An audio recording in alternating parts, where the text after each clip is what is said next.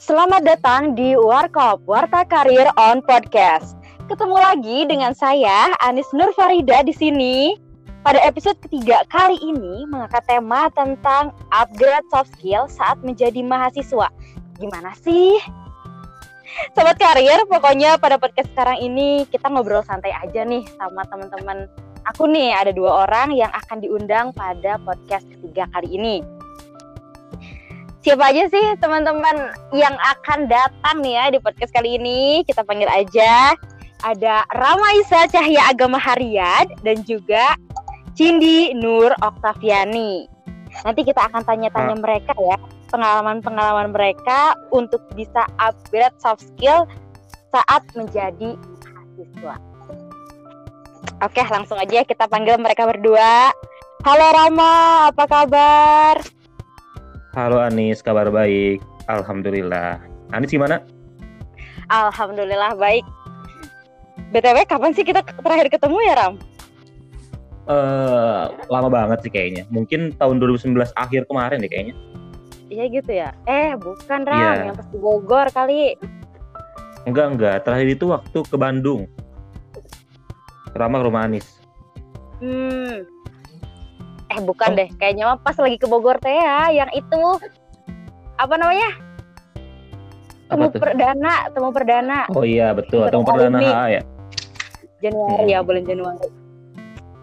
Salah lumayan oke okay sih betul. udah lama ya. Udah berapa bulan ya? Ada sembilan bulan berarti? Ada lah. Ada ada Oke nih guys, uh, sobat karya semua, ada satu lagi nih. Ada Cindai. Cindai, gimana kabarnya Cindai? Halo, halo Mbak Anis, halo Bang Rama. Alhamdulillah. Halo Cindai. Wah. Alhamdulillah. Sama Bang Rama nggak ketemu, udah kayak hamil aja ya, 9 bulan. udah tinggal melahirkan ya? melahirkan ini. Kalau Cindai, kalau kita mah kayaknya belum lama ya? Iya, terakhir. Kapan sih kita?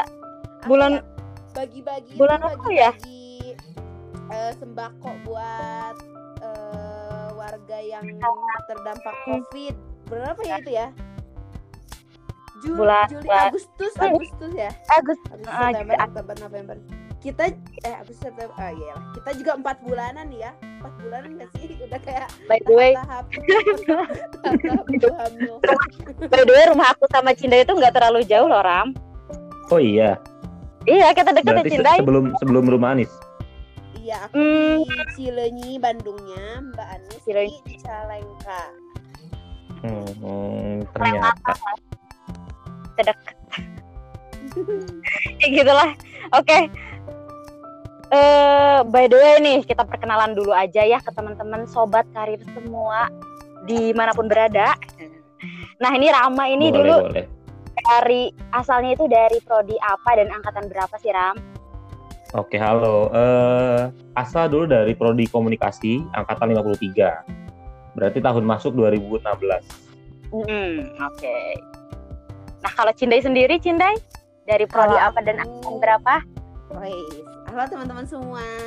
Semoga yang mendengar tetap dalam keadaan sehat ya teman-teman. Perkenalkan nama aku Cindinur Oktaviani. Uh, di uh, tapi nama bekennya, wah nama beken. nama, nama bekennya Cindai teman-teman aku sekarang yes.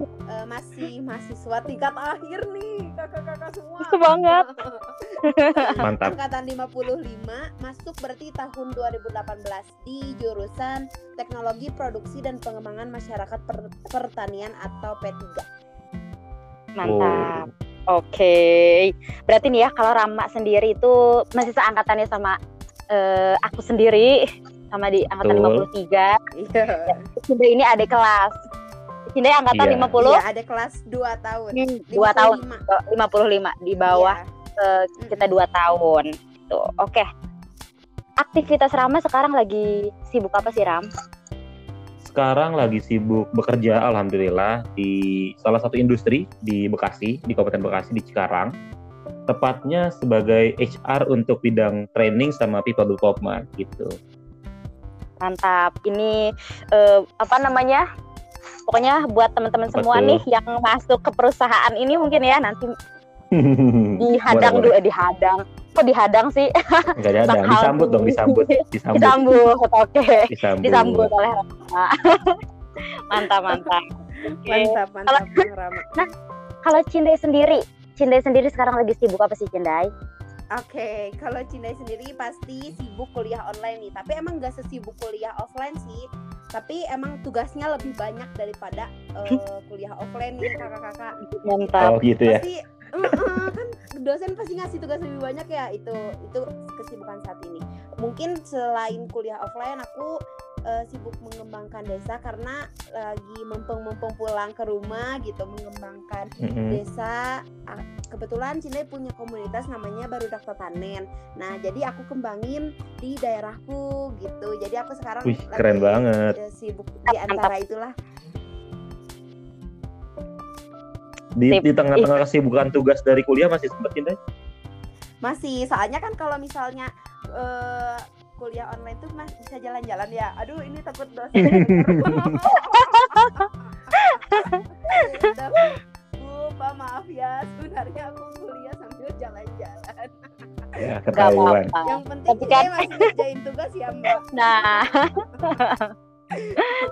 Ya jadi Cindai biasanya suka bawa laptop atau uh, Zoom meeting atau Google meeting di handphone gitu. Jadi masih yeah. sempet lah Cindai turun lapang gitu. Mantap yang penting kali. juga uh, mengabdi untuk masyarakat gitu ya Cindai. Iya, mantep banget, mantep banget. Oke, okay.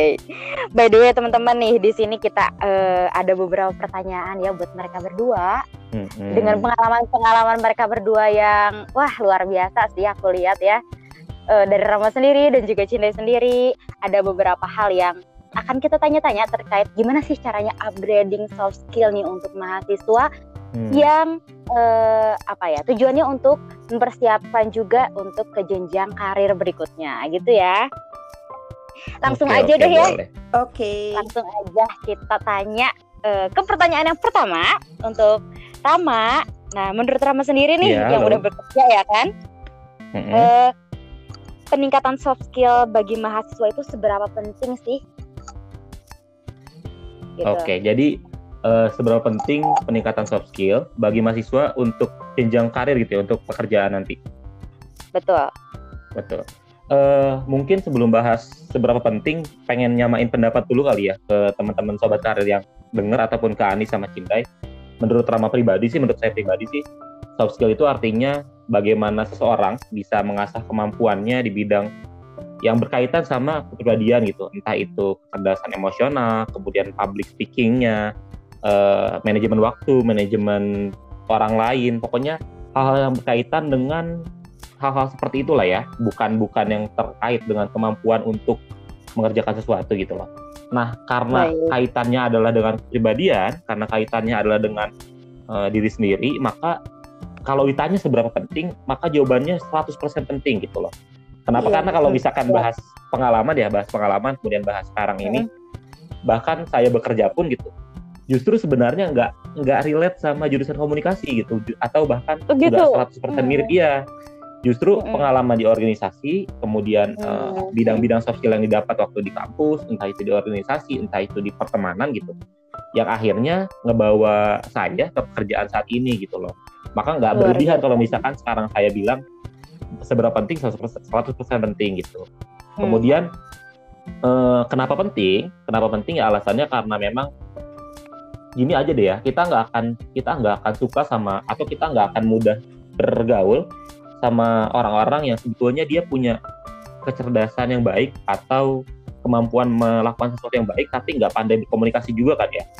Kalau hmm, atau orang-orang okay. yang mampu untuk misalnya eh, Rama lah, Rama eh, saya ada di jurusan komunikasi, paham ilmu komunikasi, paham gimana cara editing, paham gimana cara menjadi jurnalis, tapi Rama atau tapi Rama nggak bisa nih eh, menyampaikan ke orang lain, memberikan memberikan pengetahuan kepada orang lain, memberikan ilmu ke orang lain, nggak bisa menyampaikan atau nggak hmm. bisa menyampaikan pendapat, itu akan jadi masalah hmm. sebetulnya. Karena menurut saya pribadi, eh, soft skill sebetulnya selain jadi dasar dia juga, dia juga jadi penunjang untuk hard skill gitu makanya kalau hmm, misalkan hmm, okay. ditanya sekali lagi nih seberapa penting soft skill untuk uh, mahasiswa, terutama yang hendak hmm. lulus nantinya dan memasuki dunia, dunia kerja, maka jawabannya 100% penting. Oke. Okay. Gitu. Baik, makasih banyak nih ya buat Rama. Jadi uh, benar uh, yang Rama uh, ungkapkan gitu ya bahwa ternyata soft skill itu adalah 100% penting untuk menunjang hard skill. Begitu ya Ram? Betul, betul, betul banget. Menarik sih. Oke. Nah, menurut Cindai sendiri nih Cindai. Oke. Okay. Yang sebagai yang sekarang masih sebagai mahasiswa nih. Mm -hmm. uh, soft skill apa aja sih yang harus dimiliki oleh seorang mahasiswa gitu? Oke. Okay. Uh, untuk mempersiapkan ke dunia kerja. Iya. Terima kasih Mbak Anis uh, jadi bener banget nih kata uh, Bang Rama soft skill itu penting banget 100% gitu jadi sebelumnya kayak banyak-banyak yang banyak yang kayak ngomong kayak gini mbak aku Cina kok anak pertanian tapi bisa kayak anak komunikasi ya gitu banyak yang bilang kayak okay. gini kayak oh Cina mah anak komunikasi gitu sebenarnya aku dapat ilmu-ilmu ini tuh dari berorganisasi gitu Nah kayak hmm. kayak di akademik kan nggak mungkin ya kita ada pelajaran itu kecuali anak-anak komunikasi beda lagi kan ceritanya ada ada iya, gitu. Ya kan Rama hmm. sih? Ada betul betul betul. Kalau di jurusan aku kan khususnya aku lebih ke pertanian, perikanan dan uh, peternakan gitu. Nggak ada nggak ada uh, apa ya materi tentang komunikasi khusus untuk berbicara gitu. Aku mendapatkan ini di organisasi gitu teman-teman. Jadi uh, sebenarnya apa yang harus di harus didapatkan oleh mahasiswa pada umumnya itu yang pertama yaitu public speaking teman-teman karena berbicara itu berbicara untuk orang banyak itu penting karena uh, kita mengasahnya dari kita jadi mahasiswa sebelum kita ke dunia kerja gitu. Nah, aku mendapatkan semua itu dari uh, aku ikut uh, relawanan, volunteer, terus berorganisasi di dalam kampus. Nah dari situ aku dapat cara berkomunikasi, public speaking, cara berpikir kritis gimana, kerjasama yang baik kayak gimana, memecahkan masalah kayak gimana. Soalnya kan kayak misalnya kalau kita rapat nih contohnya, kita pasti ada kebagian untuk uh, berbicara kan satu orang satu orang nih. Bagaimana kita dilatih untuk uh, berbicara, terus ber, dilatih untuk berpikir gimana nih cara menyelesaikan masalahnya, terus uh, apa ya kita harus berpikir kritis juga gimana cara mencari solusinya gitu. Jadi uh, yang harus didapatkan di masa mahasiswa itu jangan jadi eh, kupu-kupu uh, gitu teman-teman. Jangan kuliah pulang kuliah pulang. Tapi minimal kalian ikut kepanitiaan atau kerelawanan. Gak apa-apa nih aku nggak maksa kalian semua uh, apa ya aktif di dalam kampus. Tapi di luar kampus pun nggak apa-apa. Karena uh, apa ya ilmu itu bisa kita dapat di mana aja tapi aku tekankan di sini dengan cara kita berorganisasi kita akan mendapatkan si soft skill itu gitu. Mantap oke. Jadi uh, teman-teman semua nih bagi teman-teman nih yang masih jadi mahasiswa dan masih berkesempatan untuk join mungkin ya di organisasi atau beberapa beragam iya, kepanitiaan ya, cobain deh gitu ya cobain deh kalian bisa latih soft skill kalian melalui organisasi maupun kepanitiaan atau juga volunteer. Oke mantap banget Cindai nah uh, oke. Okay. dari oh ya, Rama sendiri nih Ram. By the way kan dulu ya by the way kan uh, ya kita kenal Waduh. gitu ya Rama dulu. Aktif lah iya seorang aktivis di kampus. Kenalnya yang mulia Ramaisa. Bener bener. Kenapa sih Dai? Aktivis kampus se IPB Wah, lebay. Gitu. Paling dikenal pokoknya yang mulia Ramaisa. ya, by the way, hmm. dari Rama sendiri nih Ram uh, pengalaman dari Rama sendiri nih semenjak semasa kuliah nih semasa kuliah itu hal eh, hal-hal apa aja sih yang Rama dapatin nih dari organisasi okay. terkait itu? soft skill berarti ya oke okay. uh, yes. sebetulnya betul betul kata Sinda Sinda tadi ya kalau misalkan soft skill tuh nggak bisa cuma didapat di organisasi aja nggak cuma di organisasi di volunteering bisa kemudian di acara komunitas bisa hmm. bahkan menurut saya pribadi sih di circle pertemanan pun sebetulnya bisa asal pertemanannya emang pertemanan yang sportif dan mendukung gitu untuk berkembang nah kalau misalkan di organisasi sendiri okay. sebenarnya mau nggak mau ya uh, meskipun ini agak lebay dan klise tapi memang bisa dibilang kalau misalkan organisasi adalah miniatur pekerjaan, miniatur bagaimana kita nanti akan ada di struktur masyarakat lah gitu.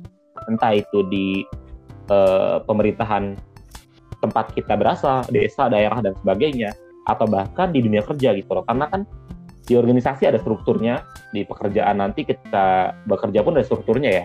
Dan di sana kita akan paham betul bagaimana kita bertindak sebagaimana kita berada, kemudian kita berbicara sebagaimana kita berada, uh, gaya bicara atau gaya komunikasi kepada orang yang posisinya lebih tinggi di atas kita, kemudian gaya bicara ke orang yang sejawat yang memang setingkat dengan kita, yang ada di bawah kita dan sebagainya lah.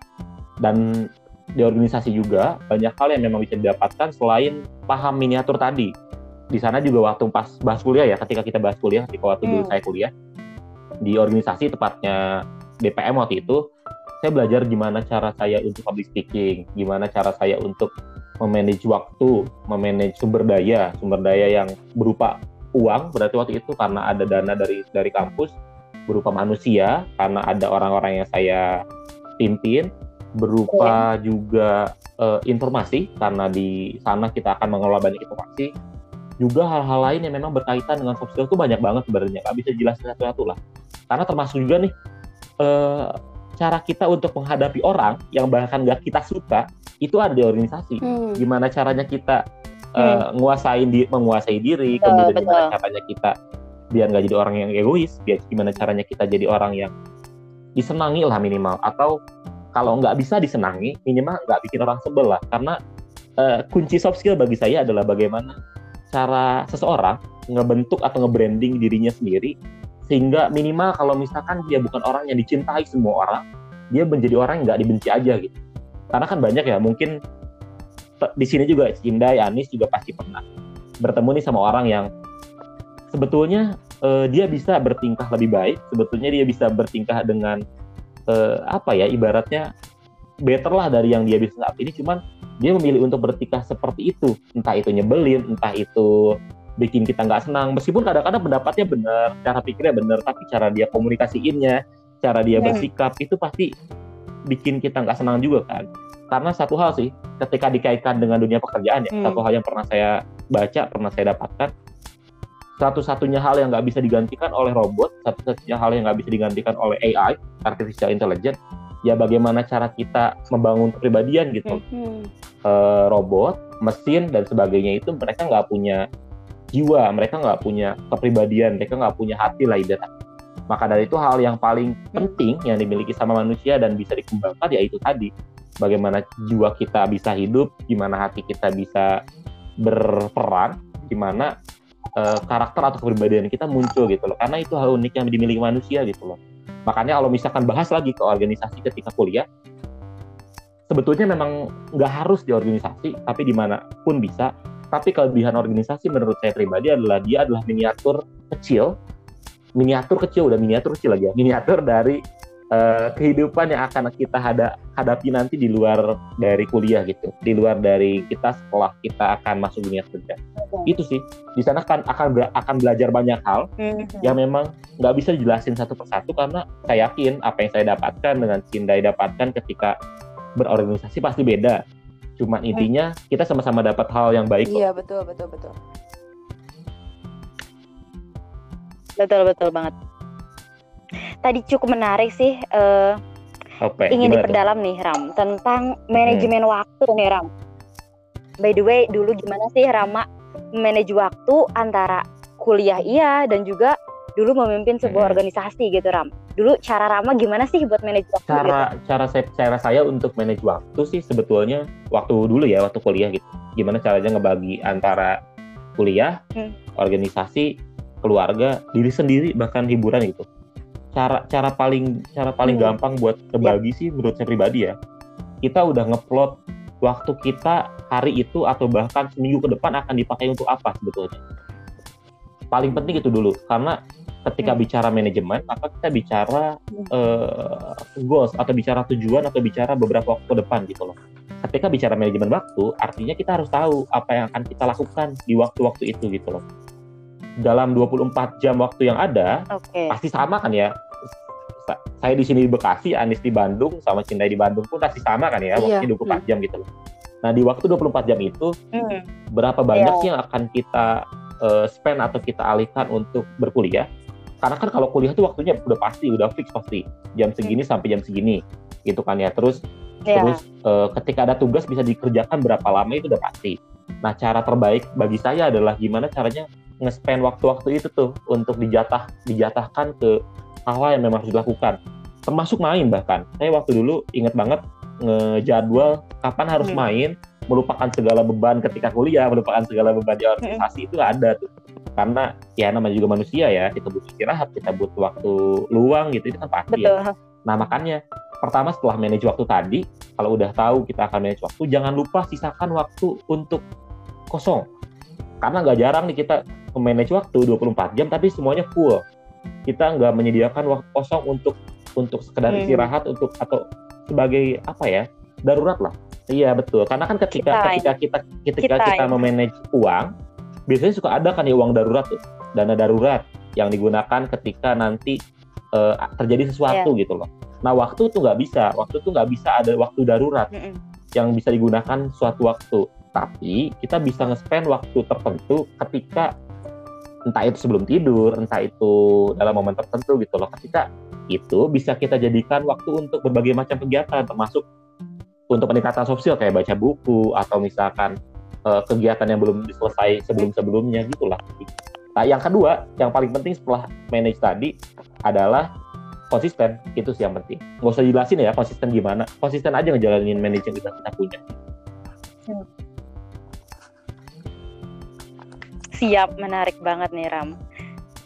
Terkait dengan uh, apa cara Ram memanajemen waktu gitu ya dari kesibukan-kesibukan antara kuliah atau enggak uh, hal-hal yang formal mungkin ya hal-hal yang informal, formal dan juga betul. hal yang yang informal uh, informal gitu ya terutama juga ya itu penting banget nih salah satunya di salah-salah kesibukan kita kita harus punya mm -hmm. key time lah uh, refreshing lah gitu ya refreshing dari segala penat yang ada betul, gitu betul. ya perlulah untuk uh, membuat diri kita itu bisa recharge gitu ya sebenarnya kita itu buat recharge recharge uh, semangat kita lagi nih buat ngejalanin kegiatan-kegiatan yang uh, terus berulang gitu ya sebenarnya kan mm, itu kan diulang betul. terus diulang terus antara kegiatan kuliah kemudian organisasi kan itu bisa hmm, jenuh hmm, gitu ya betul. pastilah manusia ngerasain hal jenuh gitu ya pastinya ya perlu lah.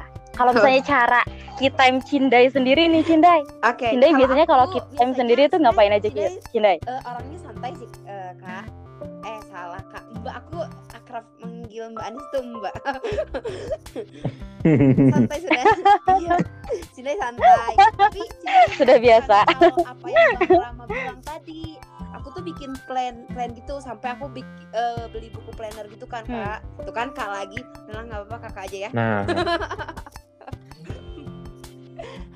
Jadi Cinta suka Iyalah, nulis santuy lah uh, santuy. apa ya apa yang akan aku kerjakan satu jam ke depan beberapa jam ke depan. Jadi satu hari itu aku ngelis uh, delapan kegiatan gitu.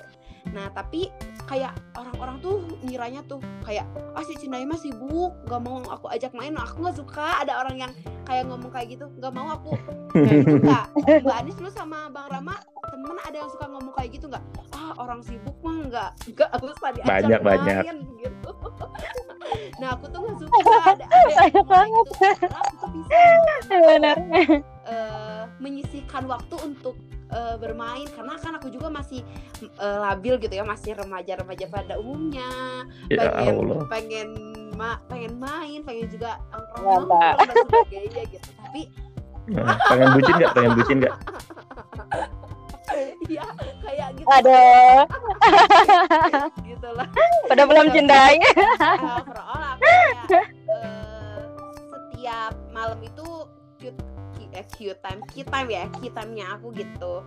Jadi ada hari-hari tertentu untuk aku emang selalu menyisihkan waktu aku untuk main sama teman-teman, nggak sibuk penat sama kegiatan-kegiatan gitu. Terus kayak kita juga kayak berkegiatan itu dengan sesuai passion kan, uh, Mbak.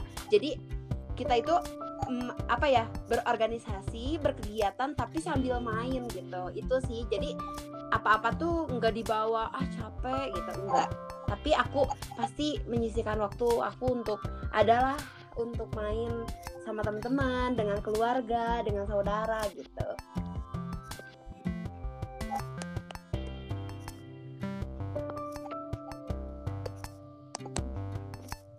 Halo, halo. Apakah masih terdengar? Halo, Cindai. Oke. Masih, masih. Karama dulu waktu kuliah pernah Oke, lanjut pernah Cindai. tidur di kelas gak? Oh, kalau itu pernah sih. Atau bahkan sering Iya. kayaknya. Kayaknya gitu ya. Namanya namanya juga manusia lah ya. Iya. Ya, ya. Kalau kalau kayak gitu pasti terjadi Iya. lah. Kayaknya kalau misalkan tanya teman-teman eh, yang senasib gitu yang ada di posisi senasib waktu pas di organisasi pasti pernah sih kuliah kuliah sambil tidur tidur sambil kuliah atau Karena e- karena emang kita gak bisa tahu. waktu ya, Bang. sebenarnya sebenarnya eh, kalau eh, tidur ketika eh tidur ketika kuliah ya tidur ketika kuliah itu biasanya terjadi emang karena ada yang salah di manage waktunya sebenarnya benar-benar. entah kita salah hitung salah hitung salah hitung kegiatan atau karena keasikan begadang main HP biasanya itu sih Iya benar-benar. Benar, Pak. nggak jauh-jauh dari sana lah sebenarnya sebenarnya nggak jauh dari sana begadang main HP sebetulnya Atau enggak? Iya. Atau enggak kan kadang-kadang kita ada pas lagi ada Ah, agenda iya. nih, ada proker, ya kan? bisa Nah, sometimes kan Iya. gitu Asal ya. jangan setiap hari Eh, aja sih sometimes kan ada proker juga. Iya benar-benar. Saya- Nah, Jangan itu setiap sih, itu yang bahaya. Asal jangan setiap hari sebetulnya Oke. Oke. Nih ya, by the way nih ya, dalam momen pandemi kali eh, kayak Mm-mm. gini nih. Sebenarnya upgrade soft skill itu bisa enggak sih, Ram? dalam momen kayak gini Ya, dalam momen pandemi kayak gini. kalau kalau Ini kan banyak nih mahasiswa mahasiswi yang ya yang sekarang kan jelas ya pada eh, kuliahnya Hmm. online gitu.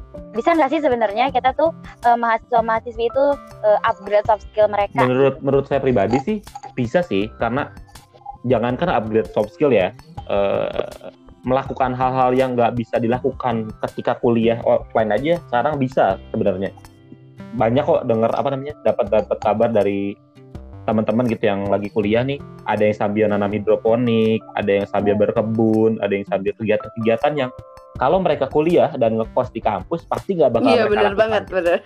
Ja- nah jangankan hal nah jangankan hal seperti itu eh, upgrade untuk nge-upgrade soft skill itu bahkan sesuatu yang sebenarnya dilakukan sendiri pun bisa sebenarnya nih menurut saya pribadi ya karena eh, Hmm. salah satu komponen dari ketika kita ingin mengupgrade soft skill kan kita paham diri kita dulu ya kita paham sejauh mana sih kapasitas kita Hmm. kita paham sejauh mana eh, kemampuan kita untuk melakukan sesuatu yang berkaitan dengan soft skill entah itu upgrade ap- apa namanya entah itu public speaking entah itu manajemen waktu tadi entah itu kecerdasan emosional kita gitu nah ketika pandemi Hmm.